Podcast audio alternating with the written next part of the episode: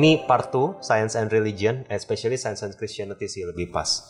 Actually ini part part 1-nya kemarin kita udah ada ada beberapa hal yang kita bahas. Uh, masuk ke part 2 ini uh, ada ada ada ada dua topik besar. Yang pertama unavoidable questions for naturalists uh, atau orang-orang yang ateis nih yang yang tidak percaya um, apa namanya nggak percaya uh, Tuhan dan ber beranggapan bahwa kalau lu percaya sains lu nggak bisa percaya Alkitab karena itu dua hal yang bertentangan. Actually ada beberapa uh, questions yang uh, interestingly mereka tidak bisa jawab sampai sekarang dan we will go through some historical um, konteks yang lumayan menarik uh, di, di di di scientific community ya. Uh, kemudian day age creation yang bagian kedua day age creation ini lebih ke penciptaan uh, kejadian satu. So uh, in terms of Bible study, why does this matter? Kenapa uh, kita uh, anak NLC kita perlu belajar, kita perlu paham yang beginian? Uh, ke satu karena ini adalah uh, ke ya ini karena ini adalah salah satu senjata utamanya ateis. Uh, waktu orang yang uh, meragukan Tuhan dan uh, any any faith atau iman itu itu serangan pertamanya biasanya dari kejadian kejadian satu. Jadi uh, apa yang kamu dengar di sekolah dan apa yang kamu dengar di sekolah minggu, in if you think about it itu kan tidak tidak kongruen ya, maksudnya tidak converging. Ya, yeah, uh, I think kita tiptoeing around this uh, waktu sekolah. Kayak misalkan di sekolah, gue inget di pelajaran biologi uh, itu ada ada Ivan nih di sini uh, di di pelajaran biologi itu ada ini ya. Ada apa namanya oh jerapah yang lehernya pendek mati. If you remember that drawings di buku biologi kalau yang lehernya panjang selamat karena ada natural selection gitu kan. That's what we know that's what we hear. Tapi no one ngajarin kita kalau gitu yang bener yang itu atau yang dibelajarin di sekolah minggu. Bahwa penciptaan ada enam hari di hari ke eh, lima atau di hari ke enam ada ada Tuhan menciptakan jerapah udah dari awalnya lehernya panjang gitu kan. Nobody talks about that and at some points uh, apalagi ya uh, in in a few years ahead um, beberapa dari kita mungkin udah udah punya anak and that unavoidable questions will come gitu to you. Uh, ini kok Alkitab nulis gini tapi di biologi sekolah ngajarinnya lain. How would you answer that? Gimana cara kita ngejawab itu kalau kita nggak memahami uh, something yang yang uh, eh, gue ngerasa tidak dibahas, tidak banyak dibahas di Indonesia. I I feel karena uh, domain astronomi atau astrofisika di Indonesia tuh tidak tidak se, semaju di, di di di US lah, for example atau di Italy, France, Belgium dan lain sebagainya. Makanya kita lebih tiptoeing around uh, penciptaan.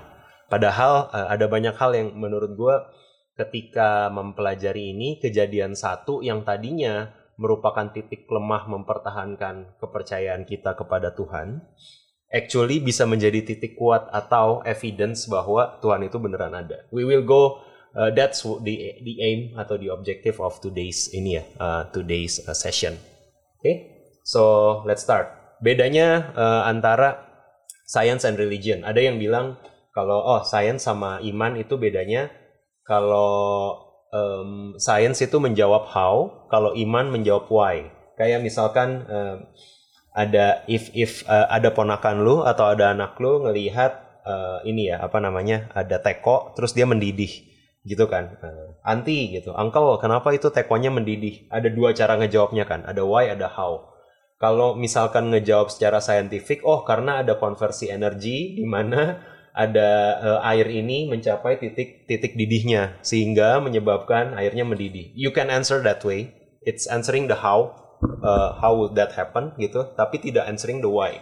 Answering the why atau atau banyak dibilang religion itu answering the why. Answering the why-nya adalah kenapa itu airnya mendidih karena gue mau buat teh. Right, as simple as that. So so ini adalah apakah ada yang salah di antara dua ini? Actually dua-duanya nggak salah ya, dua-duanya benar. Gitu kan, dua-duanya benar cuma ada ada pandangan bahwa uh, ya udah ini adalah dua dua domain yang uh, tidak bersing yang yang sama-sama menjawab uh, ciptaan Tuhan, menjelaskan ciptaan Tuhan, menjelaskan karakter Tuhan, cuma dengan sudut pandang berbeda. So uh, this is salah satu pandangan di mana um, science and religion itu harusnya berdialog ya atau saling menguatkan satu sama lain. Because Uh, satu menjelaskan nature, satu menjelaskan uh, nature of God, satu menjelaskan nature of creation. Kira-kira kayak gitu. Nah, kita sampai ke two unavoidable, unavoidable questions buat semua teman ya. Mungkin untungnya ya, untungnya generasi millennials kita di Indonesia uh, almost none of your friend uh, the reason they become atheist cuma satu karena uh, malas ke gereja gitu. Bukan karena I don't know, sorry, tapi bukan karena mempertanyakan oh kok science dan religion berbeda, kok iman sama apa yang kita baca dan kita dengar di sekolah atau di kampus kok beda gitu. Kok kok ada evolusi tapi katanya diciptakan dalam enam hari. I mean, it's good if you have friends that critically ask that. Tapi I think uh, ini bisa memperlengkapi kita sih. When when that questions come in any form dari anak, ponakan, teman, uh, two unavoidable questions buat evolution yang atau teori evolusi ada dua. Yang ini ya ada dua. Yang pertama, how did we go from single cell life to hippopotamus and butterflies? Gimana caranya? dari satu uh, single cell kan katanya semua berasal dari satu sel, right? Dari satu sel awal primordial soup uh, di di beberapa miliar tahun yang lalu di bumi ketika atmosfernya udah tepat, ketika oksigennya udah tepat karena ada uh, energi yang besar, karena ada uh, lightning, thunders dan lain sebagainya, maka terjadilah terciptalah sel pertama. Dari sel evolusi evolusi evolusi ada ada orang, ada kudanil, ada kupu-kupu, ada cacing, ada kecoa, itu semua dari satu sel. Nah, unavoidable questionsnya adalah gimana caranya dari satu sel yang sama bisa uh, beru bisa diverge sebegitu range-nya sebegitu luasnya gitu. Nah, some people believe that God was involved in how all life forms came into being. Others believe that everything happened by accident. Jadi ada orang-orang yang percaya bahwa semua yang ini ya kebetulan gitu. Ada ada kudanil, ada butterfly, ya kebetulan ada sel yang hidupnya di dekat uh, taman sehingga perlu terbang, ada sel yang hidupnya di dekat kubangan sehingga dia jadi kudanil or something like that. Jadi ini unavoidable questions dan nggak ada jawab. Ini namanya teori ya, teori evolusi. Jadi tidak ada jawaban yang 100% uh, eh, ada bukti evidence-nya of course. Tapi I think ini adalah salah satu pertanyaan yang uh, sulit dijawab oleh any evolutionist. Gimana caranya dari single self life bisa beragam sampai kayak sekarang? Apakah benar cuma waktu cukup? Kalau cuma uh, apa namanya um, survival of the fittest, kalau cuma natural selection, kenapa sebegitu beragam? Itu pertanyaannya, right? Kenapa nggak satu ragam aja? You know kecoa itu binatang paling persisten uh, sorry itu makhluk hidup paling persisten di any condition makanya nyebelin nih karena dia dia makhluk hidup paling persisten di any condition kecoa di di toxic tinggi di di situasi panas dingin dan lain sebagainya dia tuh survive gitu. Kenapa kenapa ada merik? Kenapa ada kalian? Kenapa ada ada anjing kalian di rumah? Kenapa nggak semua jadi kecoa? If natural selection is the only thing if um, apa namanya survival of the fittest is the only reason untuk evolusi kenapa nggak kita semua jadi kecoa? Be because we become you know the most resistant uh, beings gitu kan so I think itu pertanyaan pertama pertanyaan kedua yang akan dibahas lebih lanjut What happened to bring life into existence in the first place? Gimana caranya dari tidak ada kehidupan jadi ada kehidupan? Gimana caranya kita lompat dari ada ada asam amino ada sorry ya uh, ada chemicals ada nitrogen ada hidrogen ada karbon ada oksigen how come dari elemen itu boom jadi sel dengan dengan ini ya kalau udah hidup artinya kalau makhluk hidup bahkan sel pertama itu artinya dia punya ability untuk replicate punya ability untuk makan punya ability untuk excrete atau ekskresi ini cuma dimiliki oleh makhluk hidup. Jadi chemicals compounds cannot do that right uh, kita bisa bikin sorry kita bisa bikin senyawa senyawa yang panjang atau bisa bikin uh, compound baru tapi kapan kita bisa sebut sesuatu itu hidup ketika ada kemampuan replikasi makan atau kemampuan ekskresi? Dan pertanyaan yang tidak bisa dijawab adalah oke okay, fine say katakan kita semua datang dari sel yang sama. Pertanyaannya what causes the first cell? Kenapa sel yang pertama itu bisa exist in the first place to begin with? Ini unavoidable questions yang tidak yang jarang dibahas oleh uh, many people uh, dan mind blowingly uh, waktu gue research actually uh, the the the most prominent nanoscientist on earth itu bahkan bilang kita tidak maju selangkah pun in the past 70 years untuk menjawab pertanyaan ini. Jadi ada pertanyaan kan, eh, how universe began, ada maju makin lama makin pinter gitu, human ya kan. Kita paham oh ada Big Bang, uh, universe is expanding, people knows that atau scientists uh, make breakthrough, understand better gitu. Tapi not with this.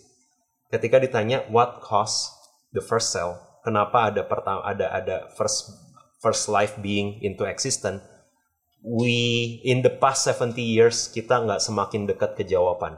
Actually, actually bisa dibilang semakin jauh, gitu ya. So when we say uh, ada satu eksperimen, um, I think I I I do this di gue lupa di SMA atau waktu di kampus Miller Urey experiment. Ini ada hitungan hitungannya so it's uh, tidak uh, it's uh, unconvenient dan nyebelin.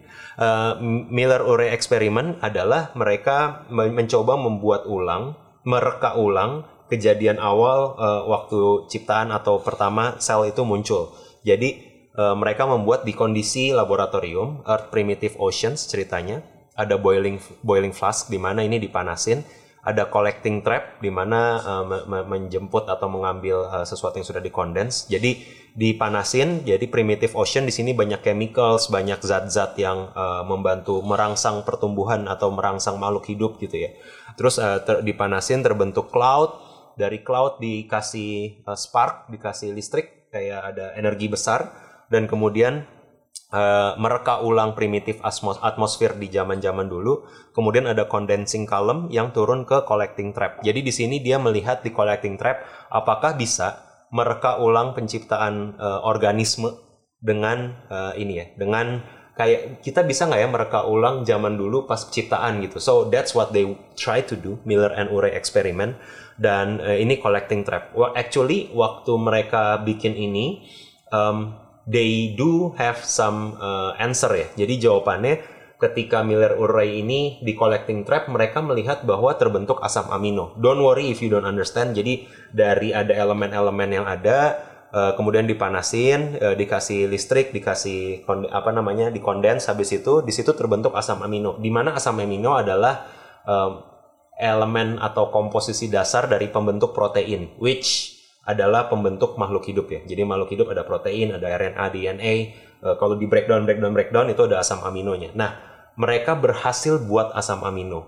Dan ini adalah dibilang breakthrough scientific di mana tuh bisa dari dari chemical soup di direka ulang, dipanasin, kena geledek gitu ya, muncul asam amino gitu kan. Nah, ini mereka menganggap ini sebagai breakthrough back then, which is fine. Ini, di sekitar 1950-an. Makanya di sekitar 1960-an di majalah Time ada tulisan uh, Is God Dead? Karena hampir mereka berasumsi berasumsi dengan penemuan dengan eksperimen ini menunjukkan bahwa makhluk hidup itu bisa tercipta dari randomness. Kebayang ya? Jadi ada laut, laut itu penuh chemical, penuh zat-zat uh, gizi, nutrisi dan lain sebagainya karena panas ada sinar matahari terbentuk cloud, kemudian ada geledek uh, turun, eh terbentuk kok asam amino. Nah, itu asumsinya. Dengan terbentuknya asam amino, uh, science berhasil menjelaskan bahwa makhluk hidup bisa tercipta dari randomness. That's the assumption. Kenapa disebut assumption? Karena in the next 70 years, no single scientist yang bisa uh, reproduce atau a step further dari sini. Hopefully kebayang ya. Jadi if you know single celled organism mungkin paling ngerti Ivan gitu ya. Itu jauh lebih kompleks dari yang kita pahami di 1950. Di 1950 waktu Miller Urey eksperimen they call it protoplasma. Jadi you know kalau lu pernah di uh, apa namanya praktikum terus pakai pakai mikroskop lihat sel itu ada kayak protoplasma oh ini ada dinding selnya yang nggak bisa ditembus air terus lihat nukleus dan lain sebagainya.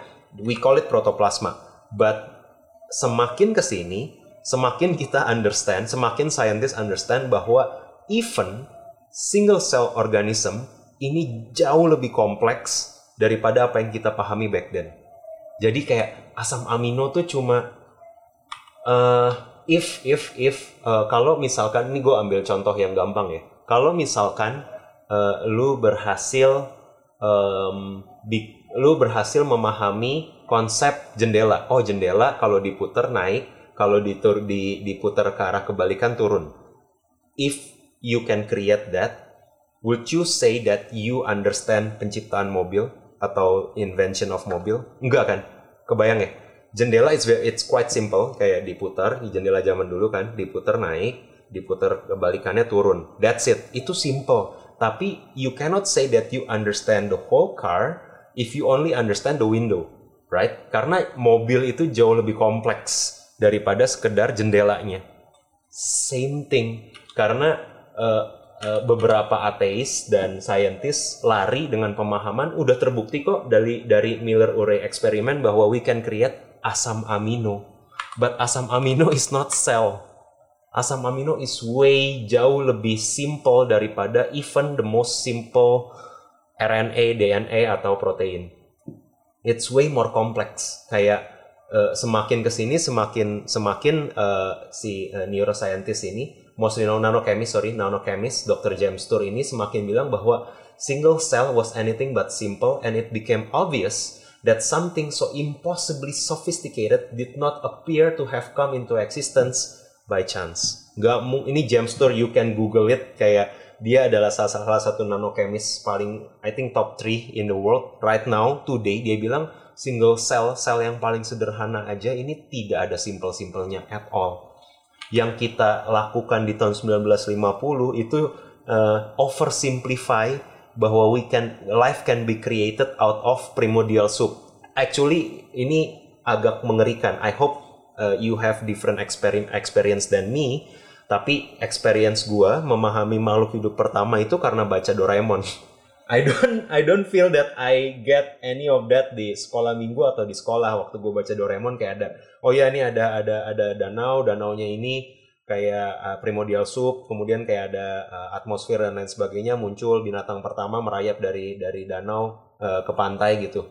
I, that is the only uh, gambar yang gue punya di kepala gue dan dan dan Dr. James Tour bilang bahwa even the, the that first single cell itu tidak mungkin tidak mungkin terjadi secara random. Ini bukan pastor, ini dokter ya. Bukan pastor.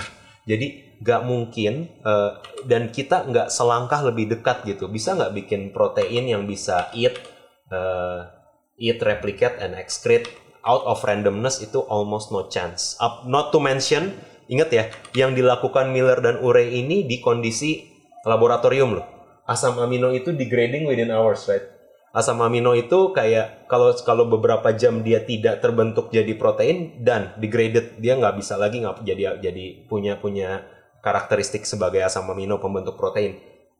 But bear with me bahwa chance-nya di laboratorium aja susah bikinnya. Kebayang gak ya? Apalagi you are telling me that the whole world, the right temperature, the right humidity, the right nutrition, the right energy, the right condensing column, dan kemudian terjadi sel pertama. This nanochemist said that it's uh, no chance ini terjadinya by random. Right? Bahkan single cell yang dengan min most minimum function aja setidaknya punya 250 genes and, and thousand of proteins with the right RNA and DNA. Bahkan sel yang paling sederhana itu ribuan proteinnya. Yang tadi dibuat di eksperimen yang dibawa lari sama ateis dan dibilang bahwa hey, uh, things can uh, uh, life could happen from randomness itu yang dibawa lari asam amino. It's not even protein bahkan single cell protein single cell aja itu punya thousands of protein. Dan itu harus terjadi at the right yang sampai hari ini no single scientist can replicate what happened dari tidak ada jadi life. None. Di di last 70 years. Right? So the probability jadi uh, kemungkinannya ditanya what's what are the chance untuk producing single functional protein by chance? Jadi random uh, karena ada soup ada ada ada laut ada cloud, ada petir, terus terjadi probability-nya berapa sih? Oh, ini dia sudah hitung probability-nya 1 kali 10 pangkat 164. That means di belakangnya nolnya ada 164. Right? Producing single functional protein by randomness itu kemungkinannya sekecil itu. So, actually this is getting embarrassing for atheist and non-scientific atau scientist yang merasa bahwa uh, life could be explained. Actually the origin of life is uh, the origin of life itu tidak maju in the past 70 years sejak Miller-Urey experiment, right? And this is what's happening, uh, and I think uh, it's good if we know uh, untuk memahami bahwa oke, okay, just one question, uh, oke okay, evolusi manusia evolusi Homo sapiens hasil evolusi, fine, let's say that's true. What caused the first life? Itu tidak bisa dijawab sampai hari ini. Oke? Okay? So Tour say, uh, si James, Dr. James Tour say uh, that the real problem is that scientists are mostly too stubborn to admit this. Uh, scientists too stubborn. They so want to believe the thesis and paradigm that they ignore the obvious conclusion of the of their experiments. Mereka terlalu keras kepala, mereka udah dapat udah nempel di kepalanya tesis dan paradigma bahwa segala sesuatu bisa dijelaskan, bahwa anything can happen by randomness bahwa life can be uh, ber, uh, can be uh, bisa life bisa terjadi out of nothing and out of randomness sehingga mereka tidak bisa melihat konklusi dari eksperimen yang gagal yang di depan mata mereka. This is James, Dr. James Tour, right? So the origin of life has not been moving anywhere since Miller and Urey in 1952. So tahun depan memasuki 70 tahun tidak ada kemajuan di, di scientific community yang menjelaskan what's the origin of life, right? So this this the this is the biggest question. Uh, jauh lebih evidence-nya jauh lebih pointing towards someone atau ya yeah, a god actually created all of this life and design life dibanding mempercayai bahwa all of this happen by chance. Itu bahkan lebih lu butuh iman untuk percaya bahwa ini by chance 1 kali 10 pangkat 164. I can say that miracle that you see every day bahkan chance-nya lebih besar gitu dari ini. Lu butuh lebih iman lebih besar untuk jadi ateis. Karena it only hap, eh, kemungkinan untuk sel pertama happen itu sangat-sangat kecil.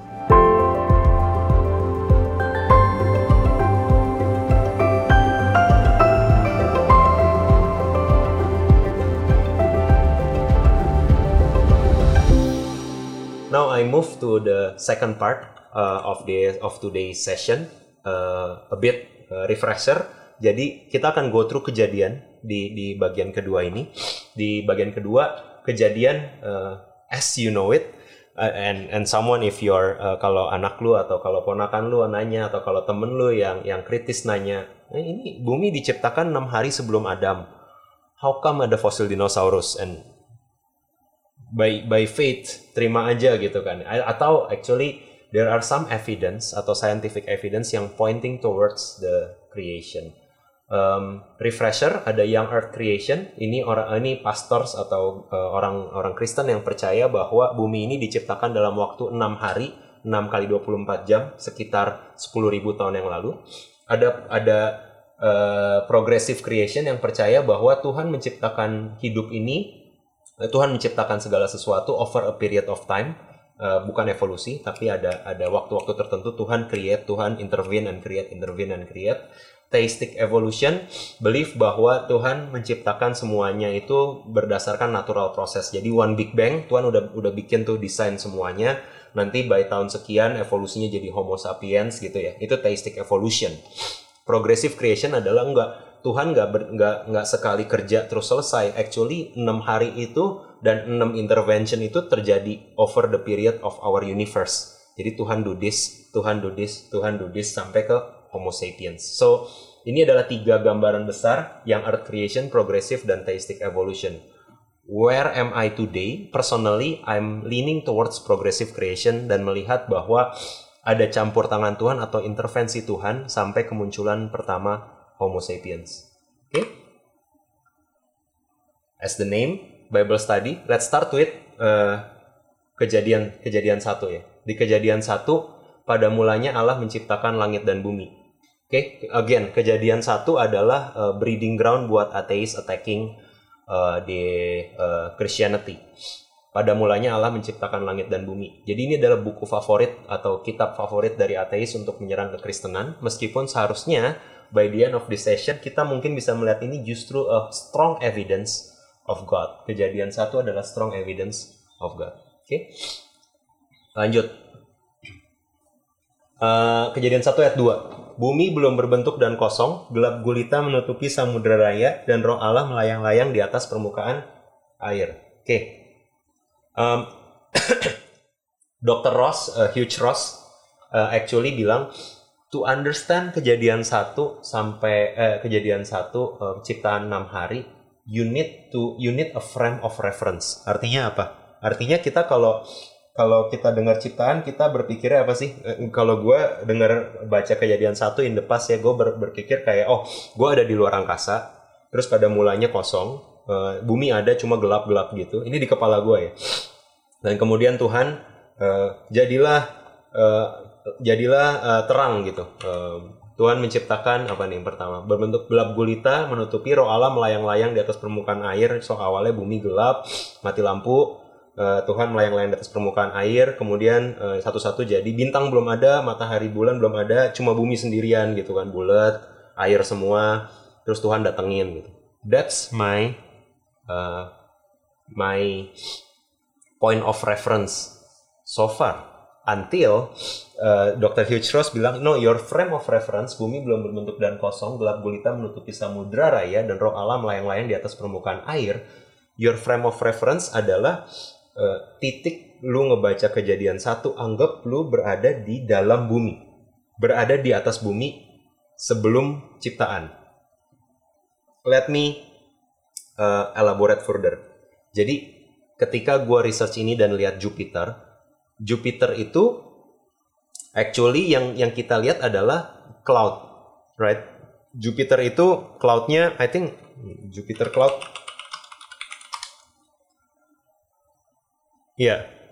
anything that you see uh, di planet Jupiter itu clouds dan itu dari altitudes-nya uh, atau atau ketebalan clouds-nya sangat tinggi. Actually whatever we see uh, di planet Jupiter itu actually yang kita lihat adalah awannya. Kita nggak bisa ngelihat permukaannya karena awannya begitu tebal, right? So so uh, uh, back here kalau kita menganggap points of reference yang sama di awal sebelum bumi ini uh, as we know it today ini lebih mirip Jupiter, right? Ada ada awan tebal. Kalau lu turun ke Jupiter, uh, kalau lu hari ini, imagine you are uh, temennya ini ya, temennya uh, Interstellar. You are in Interstellar uh, shuttle.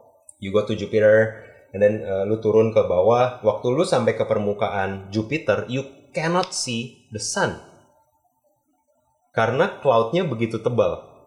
You cannot see the sun karena cloudnya aja sangat tebal. So, waktu kita baca kejadian, Dr. Hugh Ross bilang, anggap lu turun ke bumi di mana cloudnya masih tebal. Back then cloudnya masih tebal.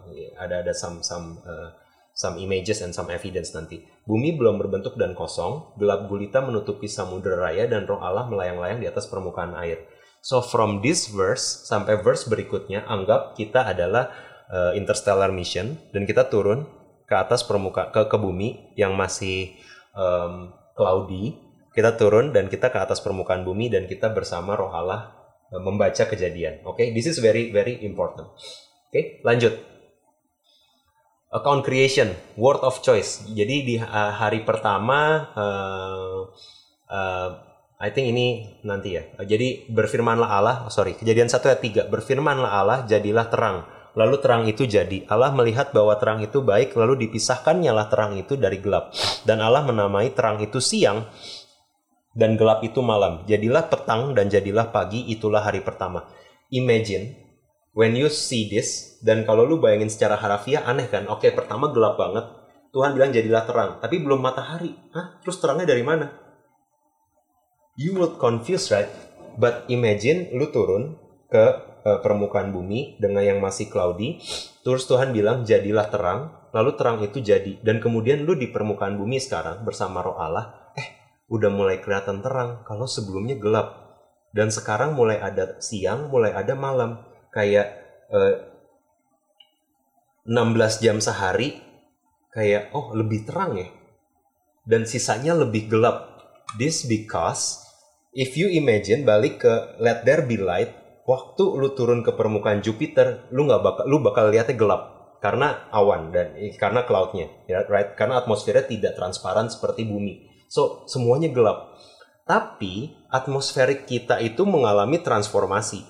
Jadi di awal Big Bang sebelum bumi as we know it uh, itu opaque bentuknya dan setiap hari itu gelap kita nggak bisa ada siang. Kalau kita turun di masa itu kita ada di atas permukaan laut, uh, permukaan samudera raya, opaque. Jadi kita nggak bisa ngelihat terang, nggak bisa ngelihat malam, nggak ada bedanya. Karena you know ada waktu Krakatau meletus, just Google it. Waktu Krakatau meletus bahkan siang-siang itu kayak malam, right? Why?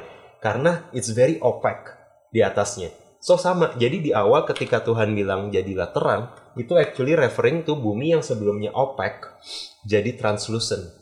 Let there be light. Now, if you are with God di permukaan, actually mulai oh iya ya, ada waktu-waktu di mana terang dan ada waktu-waktu di mana gelap. Karena by point of reference, bumi itu yang sebelumnya opaque at certain time dia mulai jadi translucent. Oke? Okay? So ini on point menurut Dr. Hugh Ross apa yang ditulis di Alkitab on point what actually happened with our earth back then gilanya oke okay? so uh, tapi ya itu kan kitab kejadian mungkin gini ya mohon maaf ya kitab kejadian ditulis sebelum astronomi atau astrofisika di, di we have that that major jadi orang yang nulis ini either satu kalau lu baca asal mula bumi di mitologi Yunani atau mitologi uh, Middle East itu kayak uh, siapa muntahin apa gitu ada kura-kura bertelur jadi bumi. I mean it's it doesn't make sense. But when you go to to Torah si Dr. Hugh Ross ini mind blowing nih bilang how on earth kitab yang ditulis ribuan tahun urutannya exactly persis sama what we know today. Chill kecuali yang nulis memang inspired by yang nyiptain. Oh, gila ya. Menurut gue gila sih. Dan apakah itu cuma kejadian dan cuma satu penulis? Thank you for asking that. Ayub 38 ayat 9. Waktu Tuhan lagi jawab Ayub. Bener gak sih Tuhan jawab Ayub atau Alkitab ini nggak ada-ngada? Lu tau dari mana Alkitab itu bener? Siapa tahu yang bener adalah kitab suci lain. Interesting. Karena di Ayub 38 ayat 9 ditulis. When I met clouds, its garment, and thick darkness, its swaddling band. Jadi dibilang bahwa ketika Tuhan menciptakan samudra raya, pertama dia menciptakan cloud sebagai garmentnya dan thick darkness sebagai swaddling, you know, yang buat ngegendong swaddling bandnya. How on earth ada penulis berbeda di ribuan tahun berbeda sama-sama menulis bahwa sebelum Tuhan menjadikan segala sesuatu dan menciptakan ada ciptaan dan lain sebagainya, laut itu ditutupi oleh clouds sebagai garmentsnya dan thick darkness sebagai swaddling bandnya, which is our earth as we know it. Sebelum transparan seperti hari ini. Right? So, jadilah terang itu lebih uh, bumi yang transform, atmosferiknya transform dari opaque menjadi translucent. Right? Kemudian berfirmanlah Allah, jadilah cakrawala di tengah segala air untuk memisahkan air dari air. Maka Allah menjadikan cakrawala dan ia memisahkan air yang ada di bawah dari air yang ada di atas. Dan jadilah demikian. Lalu Allah menamai cakrawala itu langit, jadilah petang dan jadilah pagi, itulah hari kedua. Do you know what this is? Ini siklus air as we know it. So, siklus air ini hanya bisa terjadi ketika uh, atmosfernya itu sudah transform dari opaque menjadi translucent. Baru sinar matahari bisa bisa cukup untuk bikin air ini, you know, as we know it, kayak lu belajar di SD, oh air kena sinar matahari, naik menguap jadi awan, kemudian turun sebagai hujan. Actually siklus ini terjadi di hari kedua sebelum Tuhan. Uh, jadi kayak when you see it day by day by day ini kayak emang step pertama sebagai fondasi untuk step kedua, step kedua fondasi untuk step ketiga dan seterusnya. Jadi siklus air as we know it today, uh, ya yeah. apa siklus air di Green Garden hujan banjir hujan banjir, sorry. Tapi siklus air as we know it today itu terjadi di uh, second day age gitu ya. Jadi rain, mist, dew, snow, frost, hail ini terjadi ketika sudah ada water cycle ini stable ketika sudah uh, ada atmosfernya sudah translucent and cannot before that. So ini yang kedua, Tuhan menciptakan formation of stable water cycle, right? Creation. So surface of the earth as we know it, as scientists know it, surface-nya earth sebelum um, atmosfernya transparan seperti sekarang adalah dark totally covered with water dulu. Ini empty of life, unfit for life. Ini science agreed bahwa surface of the earth dulu itu emang begini gitu. So uh, establishment of water cycle sama apa yang terjadi di atmosfer itu adalah hari pertama dan hari kedua atau age pertama dan age kedua dari creation. Lanjut, age ketiga. Berfirmanlah Allah, hendaklah segala air yang di bawah langit berkumpul pada satu tempat sehingga kelihatan yang kering. Dan jadilah demikian. Lalu Allah menamai yang kering itu darat dan kumpulan air itu dinamainya laut. Allah melihat bahwa semuanya itu baik. Berfirmanlah Allah, hendaklah tanah menumbuhkan tunas-tunas muda tumbuhan-tumbuhan berbiji dan segala jenis buah-buahan yang menghasilkan buah yang berbiji supaya ada tumbuh tumbuhan di bumi dan jadilah demikian. Ada ada oke, okay, jadi pertama dibilang segala air yang di bawah langit berkumpul di satu tempat. If you Google tectonic plates, actually continents atau benua yang kita lihat itu nggak selalu kayak gini. If you pernah nge-search search uh, uh, di Google kayak ada pergeseran tektonik dari zaman dulu. Oh dulu tuh nyatu, kebayang ya pernah lihat ya. Terus mulai misah, kita tuh dari dulu jadi Eurasia jadi satu, kecuali Papua itu nyatunya sama Australia dan lain sebagainya. Oh lama-lama over million of years berubah jadi kayak yang as we know it today. Nah, growth of continents yang diketahui oleh scientific community-nya tectonics itu memang di age of earth di awal-awal itu tidak ada. Right?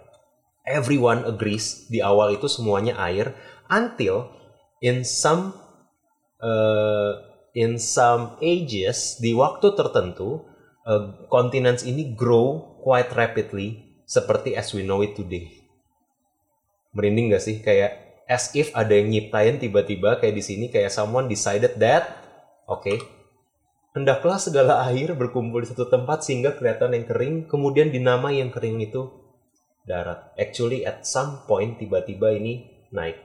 Growth of the continents dan as we know it today gitu. Over billion of years sampai yang kita tahu di umur kita umur bumi sekarang ya empat setengah empat koma enam miliar uh, tahun. Right? Terus berikutnya uh, ayat 12 tanah itu menumbuhkan tunas-tunas muda segala jenis tumbuh-tumbuhan berbiji dan segala jenis pohon-pohonan yang menghasilkan buah yang berbiji Allah melihat bahwa semuanya itu baik until 2009 uh, all the scientists itu berpikir bahwa eh yang ini ini salah satu urutan yang salah karena yang muncul duluan itu binatang baru tumbuhan. Well, uh, actually binatang lebih gampang dapat fosilnya karena ada krustasea karena ada shellnya gitu karena lebih bertahan lama tumbuhan jauh lebih sulit untuk bertahan lama kan dan until 2009 dari nggak nggak ada fosil tumbuhan dari some isotrop uh, eksperimen ditemukan bahwa it is true bahwa tumbuhan itu muncul sebelum Cambrian explosion. Sebelum Cambrian explosion, it is more likely bahwa uh, tumbuhan-tumbuhan itu udah ada duluan sebelum binatang. Itu baru 2009, by the way. so, jadilah petang dan jadilah pagi, itulah hari ketiga. So, even the sequence dari kejadian satu itu scientifically accurate. Right? Ayat berikutnya. Berfirmanlah Allah, jadilah benda-benda penerang pada cakrawala untuk memisahkan siang dan malam, biarlah benda-benda penerang itu menjadi tanda yang menunjukkan masa-masa yang tetap, dan hari-hari dan tahun-tahun. Dan sebagai penerang pada cakrawala, biarlah benda-benda itu menerangi bumi. Dan jadilah demikian, maka Allah menjadikan kedua benda penerang, yakni yang lebih besar untuk menguasai siang, yang lebih kecil untuk menguasai malam, dan menjadikan juga bintang-bintang. Hmm, interesting. Does that mean bumi jadi dulu, baru Tuhan bikin bintang, matahari dan bulan, That's what I thought waktu baca urutan ini. But kalau kita ambil point of reference kita ada di bumi, tadi baru translucent tapi belum transparan. Waktu ada ada waktu-waktu kalau lu naik naik masuk ke lacinya Nobita, terus lu balik dan lu muncul di bumi, lu actually nggak bisa ngelihat matahari. You know, in a very bad day, bahkan kita di Katulistiwa kita nggak bisa lihat matahari, bener gak sih? Kalau lagi hujan kayak kemarin, can you see sun? Cannot, right? Nah, at certain point of time di bumi, we cannot see the sun karena atmosfernya masih translucent dan belum transparan. Hari ini transparan, makanya lu bisa lihat bintang, bisa lihat bulan, bisa lihat matahari. Don't take for granted itu baru terjadi beberapa miliar tahun terakhir. Sebelumnya bumi itu we cannot see the stars. We, kalau lu naik mesin waktu you cannot see the stars, you cannot see the sun, you cannot see the moon Makanya di kejadian 1 ayat 14, waktu atmosfer ini bergerak dari translucent ke transparan, ini adalah age berikutnya di mana karena tadi udah ada terang ya, udah ada terang, tumbuhan udah bisa hidup meskipun belum ada matahari. That explains tumbuhan lu atau tanaman lu masih hidup meskipun nggak kena matahari langsung kan, right? But but matahari dan bintang dan bulan itu baru benar-benar kelihatan setelahnya. So even the sequence the the Genesis got it right. Oke. Okay? So ayat 17 Allah menaruh semuanya itu di cakrawala untuk menerangi bumi dan menguasai siang dan malam untuk memisahkan terang dan gelap. Allah melihat bahwa semuanya itu baik, jadilah petang dan jadilah pagi, itulah hari keempat. Lanjut ya. Jadi uh, atmosferik oksigen, jadi oksigennya juga uh, oksigennya di di hari keempat atau di di kenapa jadi transparan karena actually oksigennya meningkat ketika atmosfernya itu sorry dengan meningkatnya oksigen uh, dan dan hasil yang dihas ozon dan lain sebagainya yang dihasilkan oleh tumbuhan yang tadi sudah ada membuat oksigennya di bumi ini meningkat dan jadi transparan. Why? Karena ini adalah preparation, day 3 and day 4 adalah preparation untuk day 5. Ketika atmosferik oksigennya naik, hari kelima, berfirmanlah Allah, hendaklah dalam air berkeriapan makhluk hidup yang hendaklah berburung berterbangan di atas bumi melintasi cakrawala. Maka Allah menciptakan binatang-binatang laut yang besar dan segala jenis makhluk binatang laut duluan loh. They even got it right. Segala jenis makhluk hidup yang bergerak, yang berkeriapan di dalam air, segala jenis burung yang bersayap, Allah melihat bahwa semuanya itu baik. Lalu Allah memberkati semuanya itu. Ingat yang tadi diciptakan, diciptakan, diciptakan, yang ini diberkati loh yang ini diberkati. Jadi kalau si Dr. Hugh Ross dia ngebedain ada creation itu yang uh, it's life, tumbuhan, life dan ada yang diberkati, berkembang biak dan bertambah banyak serta penuhilah air dalam laut dan hendaklah burung-burung bumi di bumi bertambah banyak. Jadilah petang dan jadilah pagi, itulah hari kelima. So, di di sini apa yang uh, jadi pandangannya Dr. Hugh Ross adalah bahwa let's birds fly above, bahwa ada creation di mana yang diciptakan itu tadinya tumbuhan, tidak ada jiwanya, mulai menciptakan uh, makhluk hidup yang ada jiwanya. Jiwa maksudnya apa? That's why you really love your dogs, right? Or your cats. As if they care, they can make sacrifice. You, lu bisa lihat cerita-cerita gimana uh, dogs actually make sacrifice for for for men or make sacrifice for their children gitu. Actually ini adalah ciptaan-ciptaan di mana Tuhan memberikan jiwa ke binatang-binatang, uh, ciptaan-ciptaan yang punya jiwa. Bahkan si mammals bisa lihat seberapa uh, apa namanya uh, dependennya uh, octopus atau seberapa smartnya lumba-lumba and friendlynya. It's because they have soul. This is the creation of uh, uh, beings yang punya soul yang Tuhan ciptakan. Kenapa as if mereka punya soul kalau sebelumnya cuma tumbuhan yang dengan tujuan khusus untuk oksigen, uh, dan chemicalsnya atmosfernya balance. Now setelah ada binatang, kenapa punya soul? Because as a preparation for the next creation di hari ke-6 yaitu us, human. Karena we do need all of this. For human to survive di kondisi dingin, they do need this. Untuk human bisa bisa punya makan, they do need this. Untuk human bisa punya teman, they do need mammals. So so actually all in the right steps, all in the right sequences. So ada advanced mammals ya di sini disebutnya dan semuanya seperti punya jiwa. So Richard Dawkins atau uh, we we talk a bit about Cambrian explosion uh, di sesi terakhir. Richard Dawkins ini ateis ya. Dia menulis it is as though they were just planted there without any evolutionary history. Jadi kenapa tiba-tiba kayak ada Cambrian explosion yang disebut masa Cambrian sebelumnya nggak ada apa-apa, boom, tiba-tiba kayak semua spesies yang kamu lihat hari ini almost 90% itu muncul di masa Cambrian. Seperti ada yang menciptakan. Ini the words of atheist. Right? So, di Cambrian explosion di masa-masa tertentu dulu ada radical appearance of life forms seperti ada yang menciptakan. Baru kemudian lebih muncul uh, muncul lebih kompleks. Jadi animal yang lebih kompleks, human baru muncul di hari ke-6. Ayat 24, berfirmanlah Allah, hendaklah bumi mengeluarkan segala jenis makhluk yang hidup, ternak dan binatang melata dan segala jenis binatang liar. dan jadilah demikian. Ternak, we, kita nggak butuh ternak sampai ada manusia. I mean, why would you call it ternak? Unless itu hidupnya adalah berdampingan sama manusia. Got it? So ini adalah preparation. Allah menjadikan segala jenis binatang liar dan segala jenis ternak dan segala jenis binatang melata di muka bumi. Allah melihat bahwa semuanya itu baik. Berfirmanlah Allah ayat 26. Baiklah kita menjadikan manusia menurut gambar dan rupa kita supaya mereka berkuasa atas soulish creation tadi, ikan, burung, ternak seluruh bumi dan atas segala binatang melata yang merayap. Maka Allah menciptakan manusia menurut gambarnya, menurut gambar Allah diciptakannya mereka laki-laki dan perempuan diciptakannya mereka. So kalau tadi Allah menciptakan life, tumbuhan, eh, beberapa binatang. Kemudian Allah menciptakan soulish creation kayak ikan-ikan, burung, ternak. Kemudian Allah menciptakan yang ketiga, level yang ketiga adalah spiritual creation, yaitu yang diciptakan imago Dei dengan gambarnya Allah sendiri, dengan karakter Allah sendiri. Right?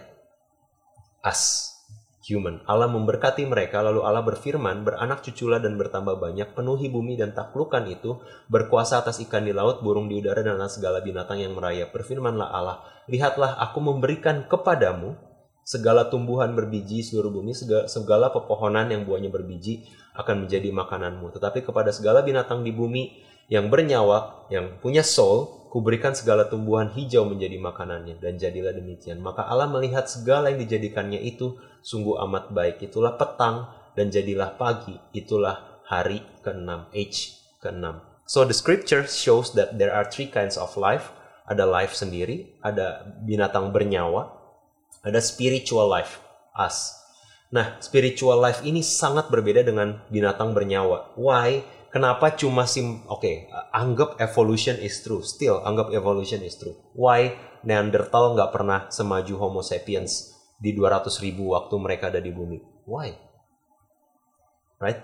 Atau kenapa no other uh, species yang berhasil bikin tools, weapon, arts, artifacts, music, and religion a set of Homo sapiens kecuali memang beda uh, karakter kategorisasinya memang beda. We are not soulish life we actually spiritual life. Makanya lu bertanya what's the meaning of my life? What's the meaning of me going to office? What's the meaning what's the meaning of me seeking God? What's the meaning of all of this? Nanti kalau gua mati gua masuk mana? Nanti kalau gua mati is is this life? Apakah cuma hidup kerja mati? Kenapa ada pertanyaan itu di benak kalian? Di benak kita because we are spiritual being not just a soulish being. Explosive appearance ada sophisticated tools, weapon, arts, artifacts, music, and religion because we are imago Dei, uh, the uh, creationnya Tuhan sendiri. Right? So kalau gua rangkum, ada enam hari ciptaan. Kalau menganggap progressive creation, actually what happened itu sequentially correct. Now lu bisa bilang kayak, ah, how do you know Alkitab is true? Even even kayak baca kejadian satu belum sampai habis aja all of the evidence pointing towards that the Bible is true. Can you or anyone bilang 4000 6000 tahun yang lalu ada orang yang nulis-nulis fiktif dan make all of this timely correct and accurate? Isn't that scary? Ada orang yang nulis dalam 26 ayat apa yang baru kita pahami beberapa puluh tahun terakhir dan everything in the right sequence and correct. Hari pertama, isotopic evidence of life, oceans become permanent di 3,8 miliar tahun, stable water cycle itu baru terjadi di, di, di berikutnya, diikuti oleh cyanobacteria di berikutnya lagi, life itself nggak punya soul, microscopic eukaryotes terjadi di day kedua, Uh, kemudian some scientists believe, uh, sorry ini uh, hari ke sorry hari kedua cyanobacteria dan foto phototrophs itu hari kedua, hari ketiga microscopic eukaryotes dan dan uh, itu baru terjadi di setelahnya 1,9 miliar ha, tahun. Hari keempat atau day 4 some scientists believe dari pertama tumbuhan pertama muncul 650 miliar tahun yang lalu sebelum earliest fossil. Kemudian first fish and Shelly invertebrata. Jadi invertebrata yang punya cangkang itu munculnya setelahnya. Fossil land spores setelahnya lagi. Eh, plant fosil setelahnya. Terrestrial animal atau binatang yang ada di darat lebih setelahnya lagi. 200 miliar tahun setelahnya. Dinosaurus 100 miliar tahun setelahnya. Uh, earliest winged birds, jadi binatang uh, terbang pertama dan mamal mamalia itu lebih setelahnya lagi 155 tahun, 155 miliar dan 125 miliar tahun. Modern human terakhir di kira sekitar 0,05 miliar tahun yang lalu. Is all of this sequence apakah ya yeah, you can say Alkitab kebetulan make it in the right six days in the right sequence. You can yeah, if you have that faith, you, lu bisa bilang bahwa well gue masih nggak percaya Alkitab dan kejadian and all of this Christian God is bullshit. You can say that, but uh, to say that you have lu mesti punya faith bahwa apa yang ditulis di kejadian satu itu kebetulan pas semua urutannya sama apa yang actually we scientifically uh, know today. Is it? So yeah, well.